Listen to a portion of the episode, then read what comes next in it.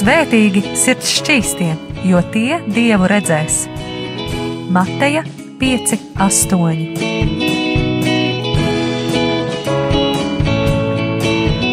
Piektdienās radio raidījums Tēva meitas.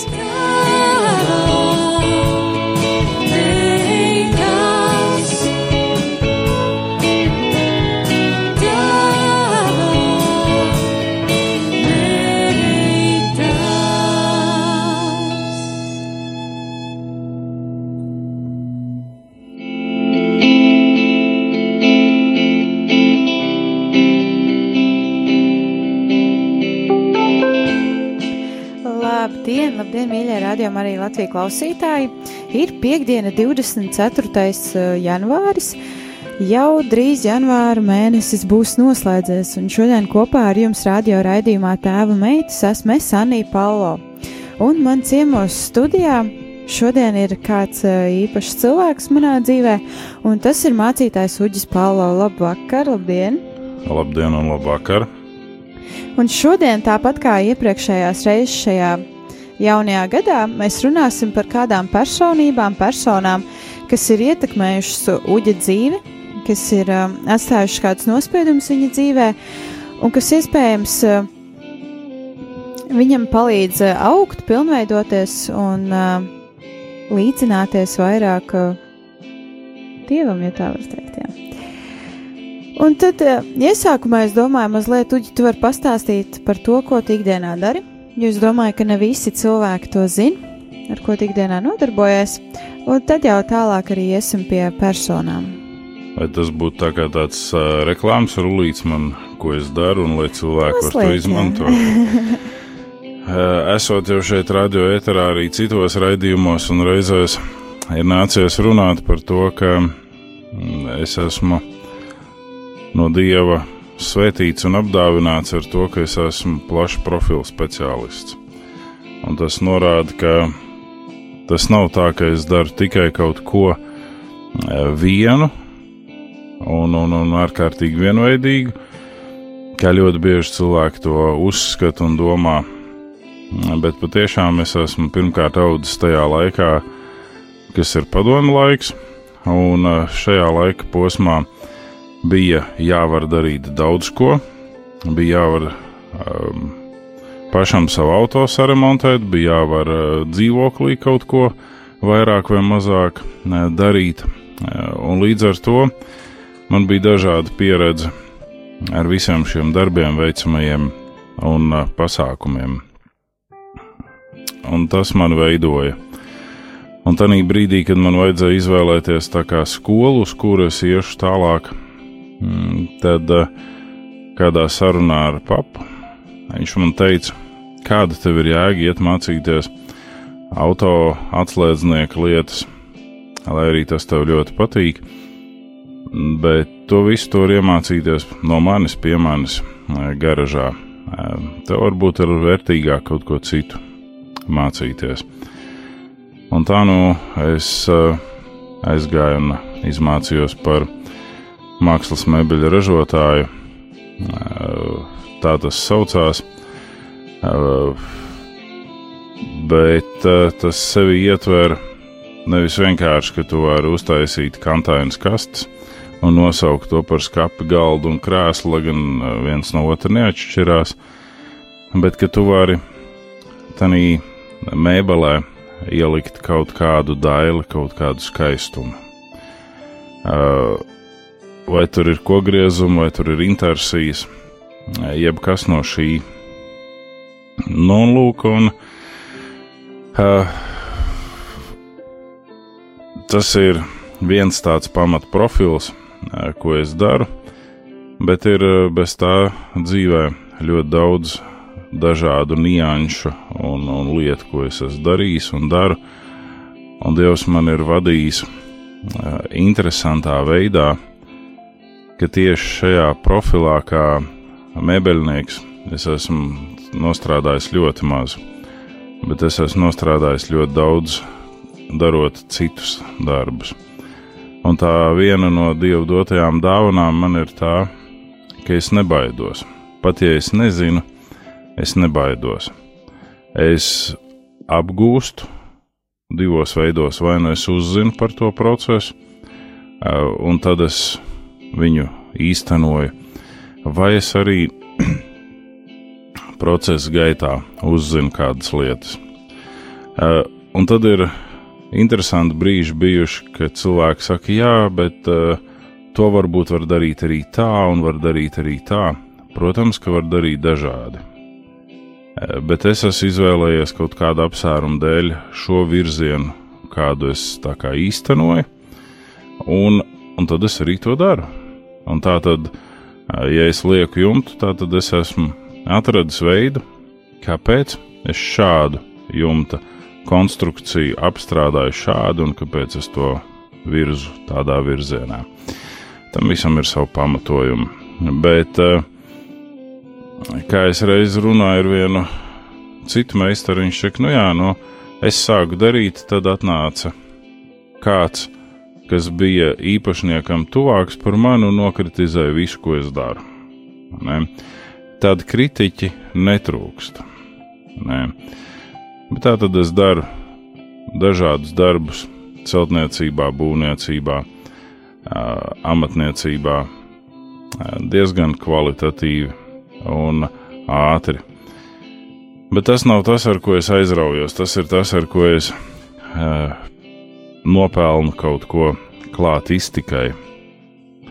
Uh, pavisam nedaudz darot šos darbus, Nu, patiesībā reizēm tas sanāk vairāk kā nedaudz.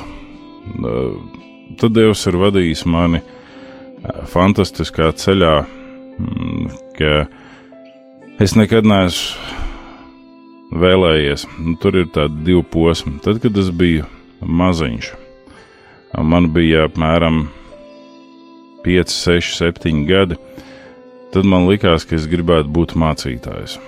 Jo man likās, ka tas ir lai arī cik tur ir grūti, un lai arī cik tur ir uh, smaga visa tā situācija, jo es to biju tā kā redzējis no sava tēta, man likās, ka tas ir ļoti prestiži. Un ka tas ir, nu tā, ļoti īpaši.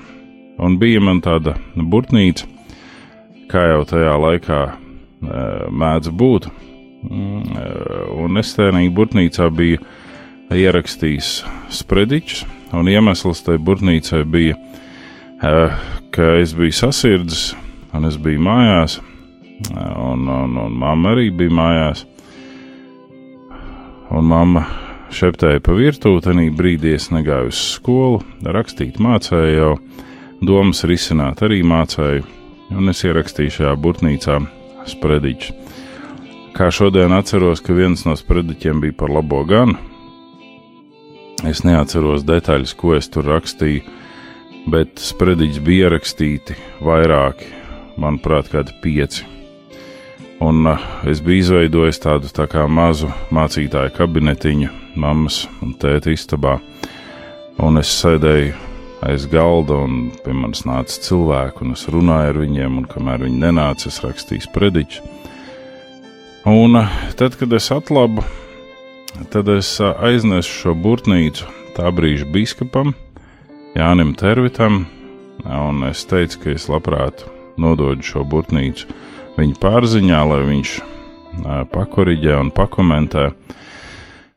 Un tā kā ilgāku laiku nebija nekāda atbilde, tad kādā dienā sastopoties ar biskupu Jānu Tervitu, turklāt bija arī mani vecāki. Es uzjautāju, vai viņš ir ieskatījies šajā burtnīcā, vai tur ir kāds komentārs.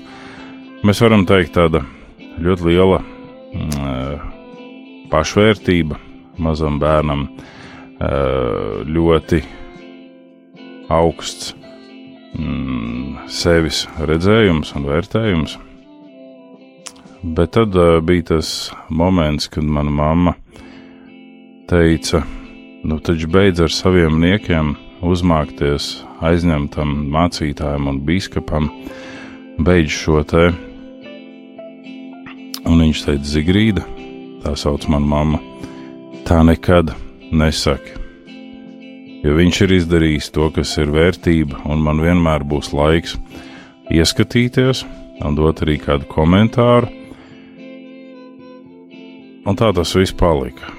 Un tad nāca pusauģi gadi, un, un, un, un nāca tālākais dzīves posms, un es apņēmos savā sirdī, ka es nekad negribu būt mācītājs. Ja es piedzīvoju kaut kādu šo cilvēcisko cīņu, argumentāciju. Tanī laikā es vadīju gan Svedens skolas klasīti, gan vēlāk es tikai aicināts, es atvainojos, vadīt arī jauniešus. Un vienmēr bija kaut kāda cīņa par to, kāpēc tu runā un saki šādi, bet kāpēc uh, man ir citas domas par šo tēmu. Un, uh, un tur nebija tāda normāla, veselīga diskusija, vienmēr bija tāda konkurences cīņa. Ar jebkuru no jauniešiem nu, nebija tā, ka pilnīgi visi kašķējās, bet bija tādi, kas tā kā kašķējās. Un tā brīdī varbūt arī es biju kaut kāds spuraināks, un likās, ka es šo visu zinu labāk un vairāk. Un piedzīvojot visus šos te paradoksus, ja tā var teikt, kuros cilvēki cīnās ne par ko. Uh, tad es uh, pieņēmu sevī šo lēmumu, ka es negribu būt mācītājs. Bet tad 96. gadā mūsu draugs mācītājiem, kas ir arī mans paps, nāca atklās man vīzija uzsākt tādu tā kā tālmācības teoloģisko kursu ar dažādiem ievirzes lekciju cikliem Un eh, tas tika uzsākts. Un tajā brīdī viens no tiem cilvēkiem, ko paps arī aicināja uz šo apmācību, bija es. Man likās, ok, nu, neviena izglītība nav par sliktu. Eh, gāju, mācījos, varbūt reizēm tā bija tāda izvēle aizbēgt no kaut kā, varbūt tas bija kaut kas cits, bet mācījos un mācījos diezgan labi. Tad šo neklātienes kursu pieņēma teoloģiskais seminārs kā savu ārmisijas štata vietu. Un uh, brauca pasniedzēji, mācījāmies gan grieķu valodu, gan ebreju valodu, senebreju, uh, gan uh, geogrāfiju, bībeles zemju, gan vēsturi, baznīcas un rakstījām arī savus noslēguma darbus. Un 2001. Eh, gadā, tātad 5 gadu mācoties, bija pabeidzis teoloģisko semināru, saņēma diplomu.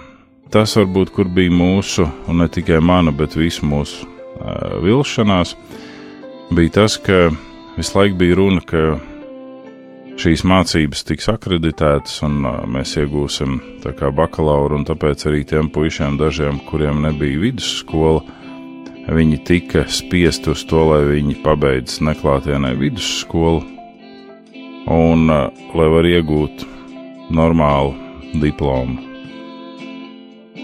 Bet tā arī tas nenotika. Un tad gāja laiks, un es mācījos dažādos citos Bībeles skolas spārnos un virzienos, un visbeidzot es arī iestājos Kristīgās vadības koledžā, kur arī bija diezgan tāda, nu, kā lai pasakā, tāda problemātika mazliet. Jo tāpat es nesaņēmu bakalaura grādu, bet es saņemtu vismaz pirmā līmeņa augstāko profesionālo izglītību bet tad nevarēja pārskaitīt punktus no teoloģiskā semināra, un tad bija citas lietas, un tad tomēr uh, direktors gribēja, ka mēs ejam un mācāmies pa jaunam visu, ko. Lai kā tur arī būtu, beig beigās vadības koledža nobankrotēja, un uh, tā mēs palikām visu kursu nekurienē. Un Dievs uzrunāja tajā brīdī, ka varbūt vajag pamēģināt Latvijas universitātē. Un tas ir viens no tiem nedaudzajiem posmiem manā dzīvē, arī universitāte. Ka ir kaut kas, ko tu esi gribējis kaut kad, kad tu esi jaunāks, iet un darīt, un mācīties un pilnveidoties. Bet tev ir tā kā sprunguļi likts pieķos, un tu neesi varējis aiziet un pilnveidoties. Un tad, kad tu īsti vairs par to nedomā, ja man jau uz to brīdi bija arī pedagoģiskā izglītība, un tā tad visas iepriekšējās izglītības, kas man ir bijušas, liekas, nu, nav būtiski. Nav jēga vairs iet un mācīties, bet tu sajūti sevī aicinājumu tomēr iet un mācīties. Un tā es aizgāju un pabeidzu pirmā līmeņa augstāko, tātad bakalauru, un šobrīd es esmu maģistratūrā. Un, un skatīsim, ko Dievs darīs tālāk. Un ik pa brīdim tie brīži ir grūti mācīties. Ir sajūta, ka nevērtē tevi kā cilvēku, nevērtē tavas zināšanas, bet vēlās, lai tu atbildētu vārds vārdā, tā kā pasniedzējs ir teicis, vai kaut ko tam līdzīgu. Uh, ir jāsastopas arī ar to paradoksu, ka pat teoloģijas fakultātē vērtē pēc deguna. Ne? Un tā varbūt ir tā mana sāpīgā pieredzes puse, ar kuru ir jācīnās, un pazemībā ir jāiet uz priekšu. Bet tā tad, atgriežoties laikā atpakaļ, par mācītāju es nevēlējos kļūt. Es šad tad vadīju dievkalpojumus, ja vajadzēja kādu aizvietot, bet tā pilnasinīgs mācītājs es draudzē negribēju būt. Un mācoties teoloģijas seminārā 99. gadā Tukuma draugs bija palikusi bez mācītāja, un uh, mans kursa biedrs bija apņēmies aizbraukt un novadīt dievkalpojumu, bet viņš nevarēja, jo viņš bija sasirdzis tajā dienā. Viņš palūdza mani aizbraukt, un es aizbraucu, un tas bija tāds pēc dievkalpojuma apstājas moments, kurā draudzes priekšnieks un, un, un citi cilvēki teica, kāpēc jūs nevarētu būt mūsu mācītājs. Mums nav mācītājs, bet mums te ir vēlme, ka varbūt jūs varat nākt un būt mūsu mācītājs. Un es teicu, tā kā nu, ar mieru Tas viss ir ļoti labi, bet man vajag lūgt Dievu par to. Un tad es lūdzu Dievu.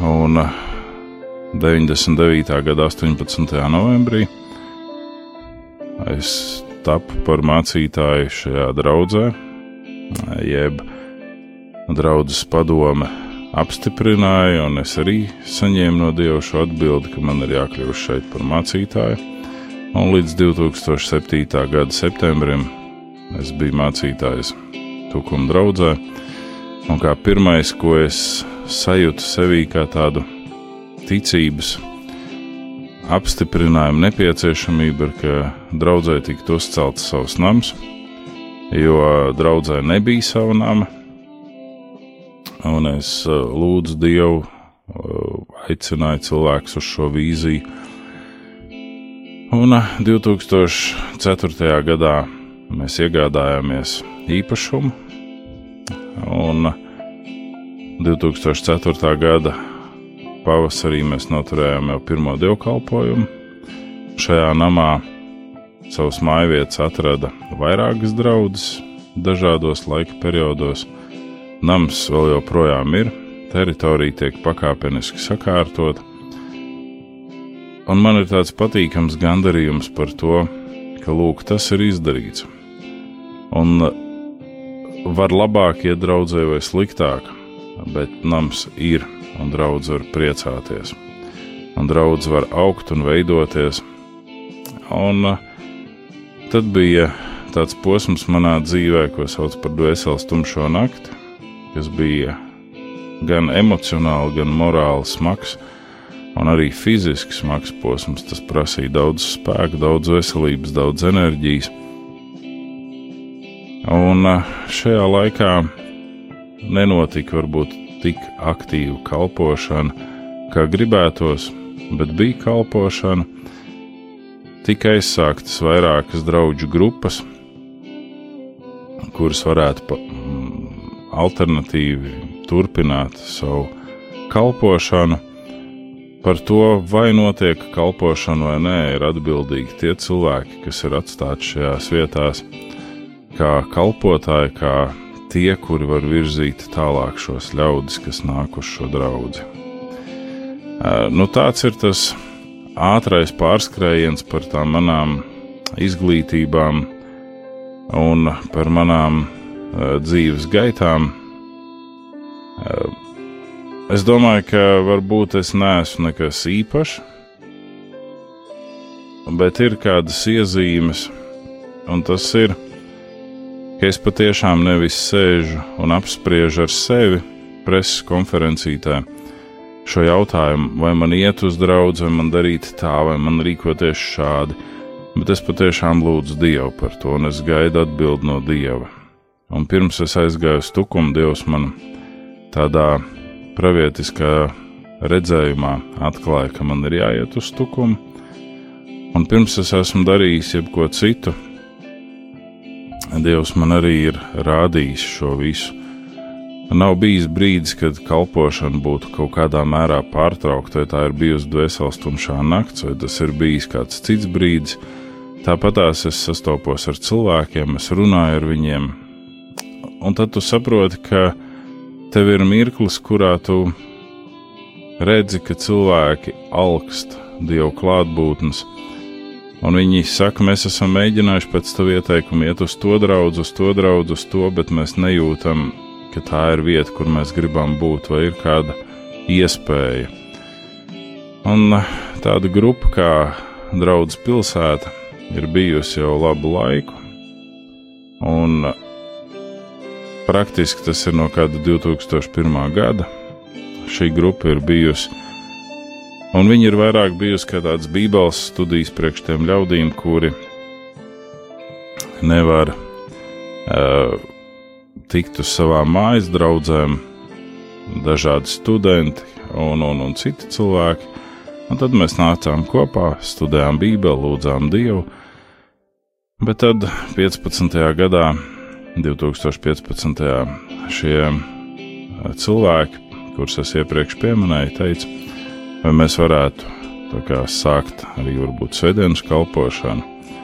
Nu, tad mēs uzsākām svētdienas kalpošanu, un tad mēs nonācām arī pie tā, ka vajag reģistrēt šo draugu, un draugs tika reģistrēta. Oficiāli mūsu nosaukumā neparādās konfesionālā piedarība, tāpēc, ka mēs esam atvērti ikvienam Un uh, tie cilvēki, kas ir bijuši pie mums, tie redz to, ka mūs nevar iebāzt nevienā klišejiskā maisā un pateikt, nu, viņi ir tādi, vai viņi ir tādi. Ne? Un pāri visam šim es gribētu teikt, mēs varētu iet muzikālajā pauzē un Un es gribētu teikt, ka mums ir nepieciešams šo piedzīvot un lūgt Dievam, lai mēs varam iet viņa adusā. Izraels, jeb ebreju tauta, savā laikā nevarēja ieiet Dieva adusā, jo kurnēja, šaubījās, neticēja, kaitināja Dievu. Mums ir nepieciešams ieiet Dieva adusā. Un uh, mums ir nepieciešams kā draudzēm ieiet Dieva adusā, un Dieva adus sākās tur, kur vairojās brāļa mīlestība. Adusa Dieva klātbūtnē sākas tur, kur mēs nenicinām viens otru, un mēs nesakām, ka tikai pie mums pareizi izpilda šo rituālu vai to sakramentu, bet ka mēs ievērojam viens otru, un mēs mīlam viens otru, ticam, ka Dievs darbojās caur katru no mums. Un tādēļ, lai Dievs svētī mūsu ikvienu. Dziesma draudzes pilsētas pielūgsmes grupas uh, izpildīta un Valda Dvorova arī izpildītā dziesma ved mani savā adusā, un arī kā tikko jums bija iespēja dzirdēt uh, Uģa domas, kāpēc viņš izvēlējās tieši šo dziesmu. Nu tad uh, klausamies dziesmu. Bet mani savā atdusā. Visapkārt mīlestība, es nebaidos ar mani tu.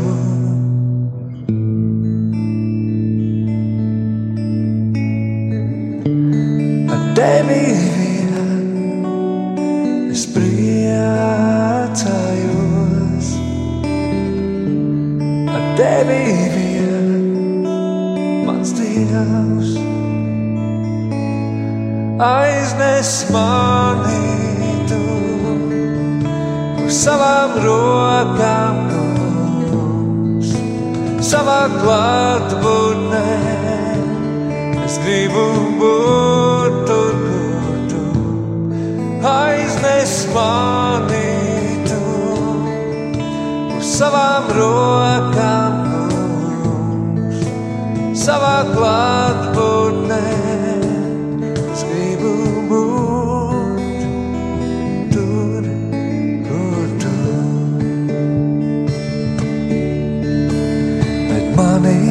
Savā atdusā, es apkārt mīlestība.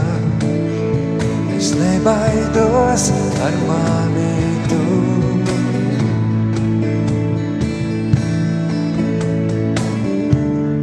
Tevi vien es priecājos. Tevi vien mans dievs aiznes mani tu savām rokām, kungs, savā klātbūtnē. Es gribu būt tur, kur tu aiznes mani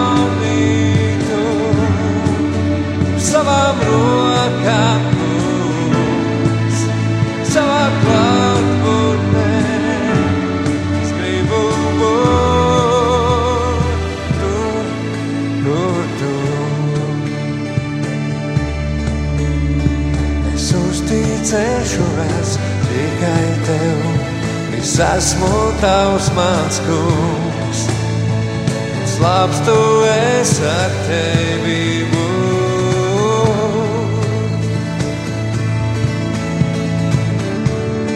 tevi vien es priecājos. Tevi vien mans dievs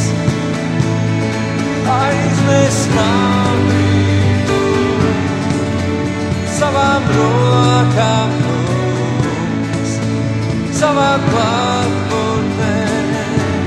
Es gribu būt tur, kur tu aiznes mani tu savām rokām.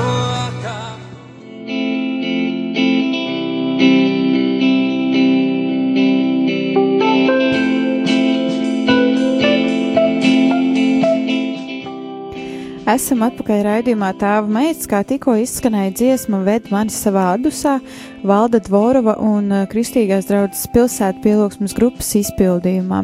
Un pirms dziesmas eh, raidījumā Tēva meitas uh, bija un vēl aizvien ir kopā ar jums Sānija Palo, un šodien ciemos pie manas studijā ir mācītājs Uģis Palo, kas arī pirms dziesmas nedaudz pastāstīja par to savu dzīves gājumu, kā, kā viņš ir nonācis līdz tai vietai, kur viņš uh, atrodas šobrīd, varbūt ne burtiski, bet uh, tādā dzīves skatījumā, un kas ir kādas lietas, kas ir uh, ietekmējušas viņa gāju, gājumu, un varbūt pat iezīmējušas kādas figūras viņa dzīvē, tas tā tēlēni izsakoties. Un vēl pirms dziesmas Uģis arī mazliet padalījās ar uh, kādiem jaunumiem par, par savu draugu, ka, ka radās šī draudzene 2015. gadā, ja es nemaldos. Un viņš arī mazliet pastāstīja par to, ka šai draudzēji ir kāds uh, īpašs uh, fakts vai notikums, ka, mu, ka draudzē nav rakstīta konfesija, bet ir rakstīts, ka tā ir kristīgā draudzes pilsēta.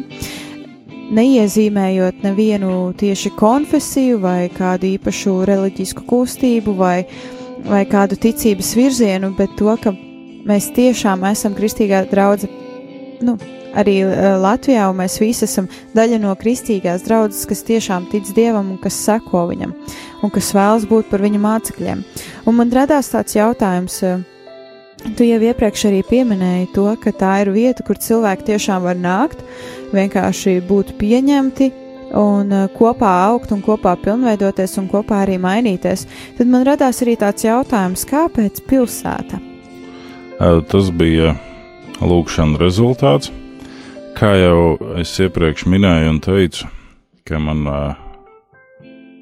Es nevaru teikt, ka man vienmēr patīk lūgt, jo reizēm es esmu apvainots uz Dievu un dusmīgs, un tad es negribu lūgt.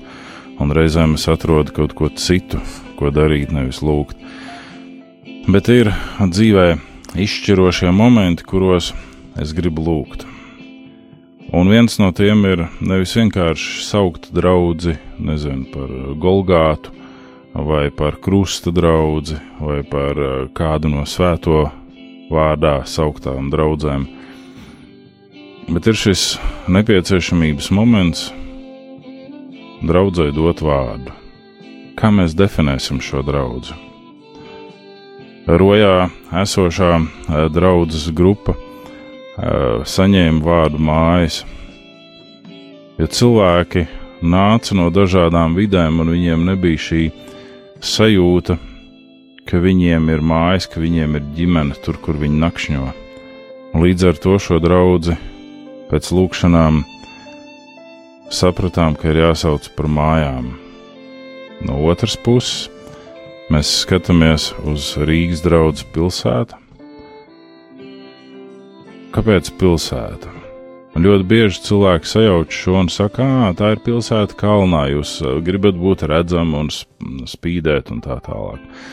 Iespējams, bet būtiskākais ir, kad mēs lasām veco darību, tur pie teritoriālā sadalījuma, ko Dievs nosaka savai tautai, viņš paredz, ka pie katras cilts pilsētām ir jāveido vēl pilsēta, kas saucās glābšanas pilsēta. Glābšanas pilsēta, kurā ik viens cilvēks var rast patvērumu, var glābties, var, eh, nezinu, atrast mieru un atdusu. Un tas ir gadījumā, ja tu esi netīši izdarījis grēku, par ko tev būtu jāsaņem nāves sots. Tad tu vari iet uz šo glābšanas pilsētu. Tad tu vari patvērties tur, pirms asins atriebējs tevi ir atradis. Bet, ja mēs skatāmies uz mūsu ikdienas dzīvi, tajā laika periodā, kad mēs Dievu nepazīstam un esam tālu no Dieva, mēs visi netīši grēkojam un daudz grēkojam, par ko mēs esam nāvi pelnījuši. Un tad šī glābšanas vieta ir šī pilsēta. Un tā arī radās šis nosaukums pilsēta. Un cilvēki ir spītīgi, tāpat kā varbūt iespējams arī es esmu spītīgs, man pašam negribās to atzīt, bet no laikam. Un kad es saku kristīgā draudzes pilsēta, tad viņi man spītīgi saka, kristiešu draugs pilsēta. Nē, kristīgā draugs pilsēta. Tas norāda, ka kristīgā ir vērtības, uz kurām balstās šī draudzene. Un nevis šī draudzene ir kristiešu, bet kristīgā. Kristīgā draudzene. Tātad cilvēki, kas nāk, viņi saprot, ka tā nav ne krišnītu, ne krislāmistu, ne kāda cita, bet šī ir kristīgā draudzene pamatvērtības šai draudzē ir tas, kas rakstīts Bībeles 66 grāmatās, vēlāk konsulos apstiprināts, pieņemts gan par sakramentiem, gan par doktrīnām, gan par dogmām. Par jebkuru no šiem jautājumiem šī draudzene ir kristīgā draudzene. Un šajā draudzē nāk tie, kas meklē, kas vēlas atrast dievu, kas vēlas atrast arī varbūt šo ģimenisko siltumu, un patvērumu kaut kādu. Jā, tāda ir šī draudzene. Laipni aicināti ik viens ģērtrūdas ielā Rīgā, pulkstenis četros svētdienās. Nāciet, pārbaudiet, skatieties, vērtējiet, un tad jūs varat teikt, tā ir svētdzā dzīvnieku draudzene, vai tomēr tā ir kristīga draudzene.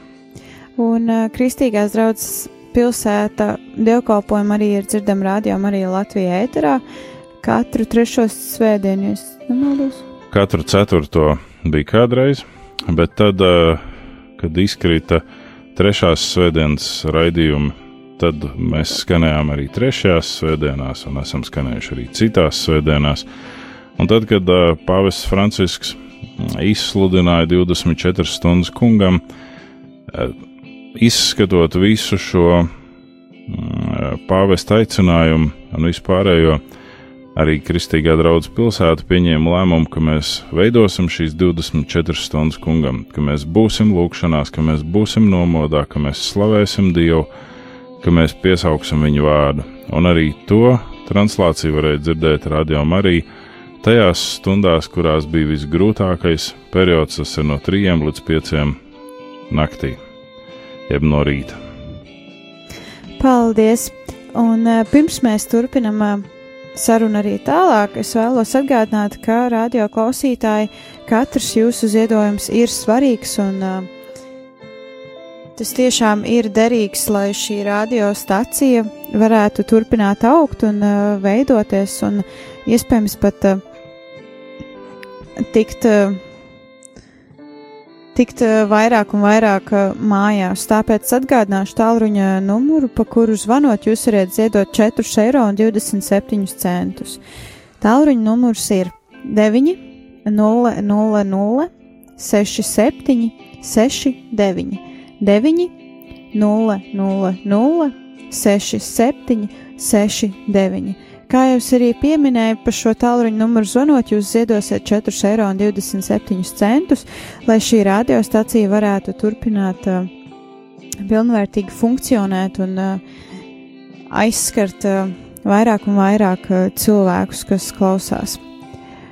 Un šajā dienā pie manis ciemos raidījumā tēva meitas ir mācītājs Uģis Palo, kas jau raidījuma pirmajā daļā mazliet vairāk arī pastāstīja par to, ko viņš savā ikdienā dara, kas ir eh, tās lietas, eh, kas viņu padara unikālu, kas viņu padara par viņu, un viņš arī šīs eh, nelielās dzīves atskata laikā pastāstīja par kādām personām, kas ir kādos konkrētos mirkļos ietekmējušas viņa gājumu, un uh, viņa tās izvēles.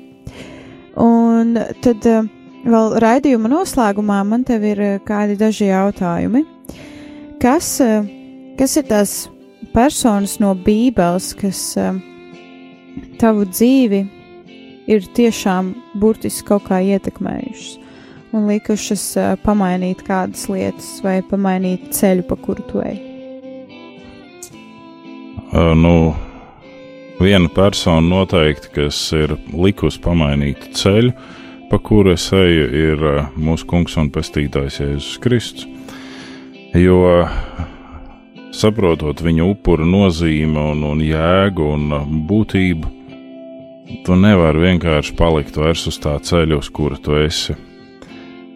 Bet, ja runa par tādām, nu, patriarchālām vai lielajām personībām, tad noteikti es gribu pieminēt Jēkabu, jo tas īpašais brīdis, kad Dievs nomaina Jēkaba DNS formulu, ir ļoti, ļoti, ļoti būtisks priekš manis.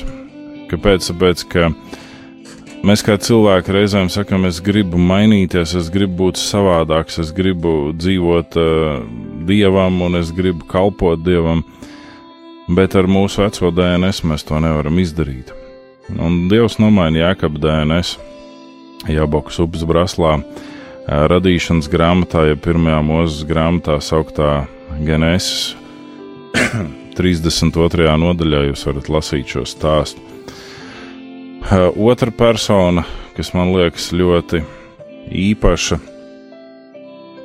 ir Jāzeps, kas neskatoties ne uz ko, vai viņš tiek spīdzināts, vai viņš tiek cietumā mests, vai viņš tiek no brāļiem pārdots, viņš turpina darīt labo. Viņš nenocietinās, viņš nepaliek kā tāds eizis un rupucis, bet viņš turpina sēt labo un darīt labo. Un arī mīlestība pret brāļiem viņā ir ar šo labā piesātinājumu. Jā, viņš izspēlēja mīklainu spēli ar viņiem, bet tā ir nevis vērsta uz ļaunumu, bet uz labo. Uh, un uh, vēl viena persona no vecās darības noteikti tas ir Mozus. Varbūt kaut kādā mērā es uh, sinhronizēju sevi ar mūzu un redzu sevi mūzu, jeb mūzu redzu sevi. Iespējams, bet šī mīlestība uz ļaudīm, ko Dievs viņam ir uzticējis, vadīt, ka viņš saka, Dievs, ja tu gribi viņus iznīcināt, tad iznīcini vispirms man, es nevarēšu noskatīties, kā šī tauta aiziet bojā. Uh, Tanīpat laikā ejot cauri šim tūkstnesim, visu laiku esot kaut kādā virzībā, ir, ir spēks, ir viedums, ir dievbijība, ir celtniecība, ir viss, kas ir ap šo vīru, ap šo cilvēku. Un kā mazs bērns, esot aizrobežu mākslas muzejā un ieraugot mūsu statuju dabīgajā lielumā, man pārņem tāds wow. Un tad es saku, jā, nu, šāda tipa vīrs varbūt varētu noturēt ilgstoši paceltas rokas, lai tauta gūtu uzvaru un spēku un svētību. Te nav runa par fizisko lielumu vai fiziskajiem dotumiem, bet te ir runa par to, ka viņā bija daudz dievu nošķirtā, jeb svētā gara, kas radīja šīs izmaiņas. Un no jaunās darības man ir varbūt grūtāk atrast kādu tādu uh, piemēru, varētu teikt, to pašu apakstulu Pāvilu, gribētos pieminēt.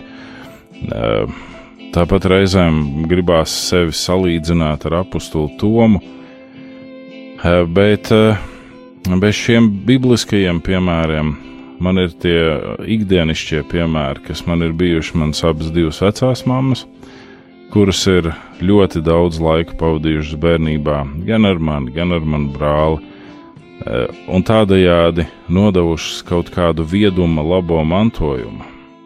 Ne? Un, eh, protams, tie ir mani vecāki, kas ir kā personības, kas ir kā ietekme manā dzīvē.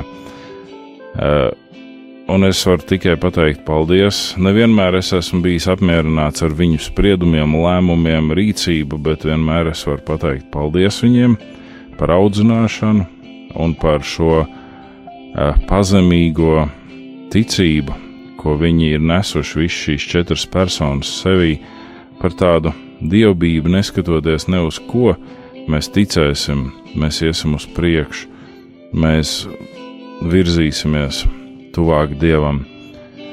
Un uh, pēdējā laikā, jo arī draudzē pilsēta ir šī kalpošana ģimenēm, kurās aug īpašie bērniņi, ja bērni ar speciālām vajadzībām, uh, personības, par kurām es domāju, kuras es apbrīnoju, ir gan šie bērni, gan viņu vecāki.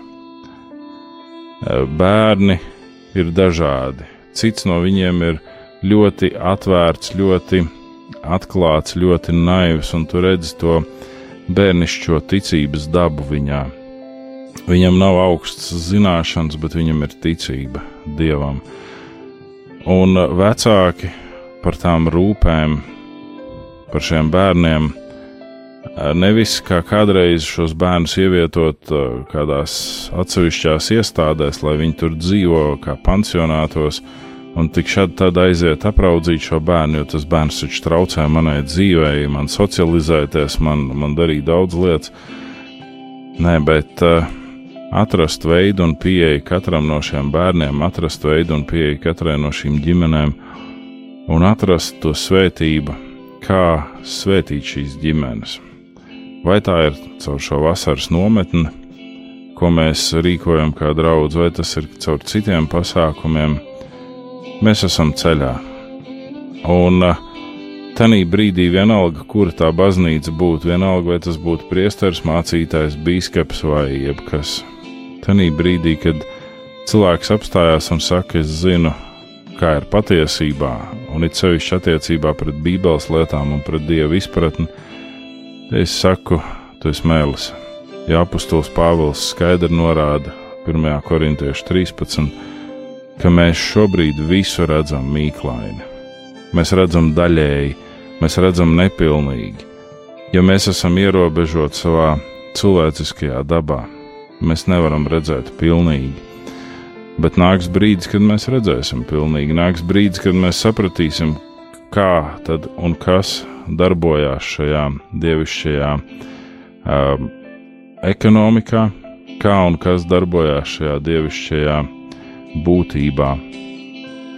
Jebkurā gadījumā es varu pateikt Dievam paldies par tām personībām, kas man ir bijušas manā dzīvē, par to gājumu, kuru Dievs ir ļāvis iet, un ļaut piedzīvot cilvēkiem to, ka ticēt Dievam ir patiesi vērtīgi, un ļaut cilvēkiem piedzīvot to, ka ticēt Dievam tas nav tikai tāds abstrakts moments, kur mēs, nu, ticēsim. Nē, bet tā ir vērtība, vērtība, ko es esmu mēģinājis atstāt saviem bērniem, ko es esmu mēģinājis atstāt tiem draudzē, kuri seko tai ticības pārliecībai, kā Dievs ir devis man. Jo man ir bijuši stabili pamati. Tās ir manas abas vecās mammas, mani vecāki, pieminētais jau biskups Jānis Tervits, pieminēts šoreiz ne, bet vispār biskups Pēters Egla. Tie ir bijuši vīri, kas ir atstājuši kaut kādus nospiedumus, kaut vai no distances, kaut vai no attāluma. Un vēl viens vīrs noteikti, kas ir atstājis savu ietekmi, ir Vladimirs Molčānaus, kurš ir nezinot nec par manu brāli, nec par mani, lūdzas Dievu un svētījis šos dzīves ceļus. Un pētot viņa dzīves ainas, mēs varam saprast, ka tas ir vīrs, kurā darbojās reāli Dievs, un kurš neskrēja pēc ārējām, ekstravērtām izpausmēm un lietām, bet kurš savā dziļākajā būtībā ticēja un ar visu savu gājumu tuvojās Dievam.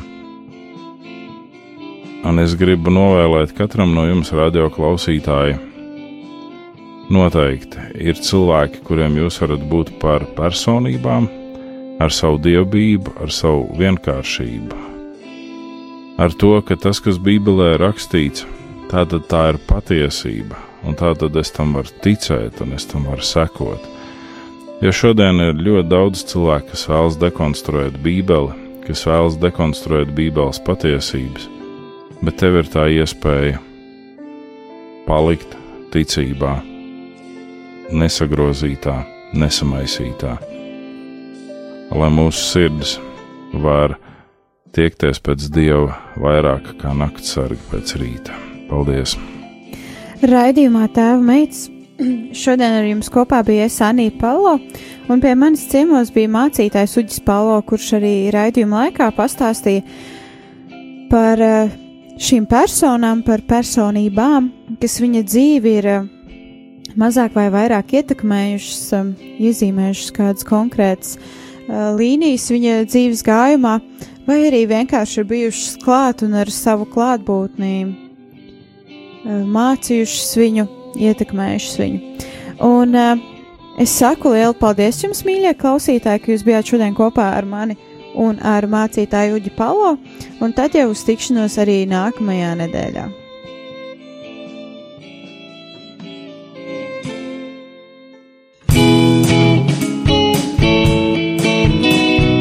Svētīgi sirds šķīstie, jo tie dievu redzēs. Mateja 5, 8.